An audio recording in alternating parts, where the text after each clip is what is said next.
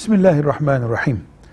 SMS veya kısa mesaj ya da herhangi başka elektronik bir sistemle eğer o sistemi kullanan kişinin karşı taraf ve sistem hakkında bir güven sorunu yoksa fitreler verilebilir, fidyeler gönderilebilir. Yani bugünkü teknolojik ulaşım ve iletişim imkanlarının kullanılmasında bir sakınca yoktur.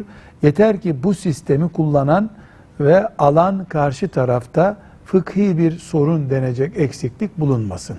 Velhamdülillahi Rabbil Alemin.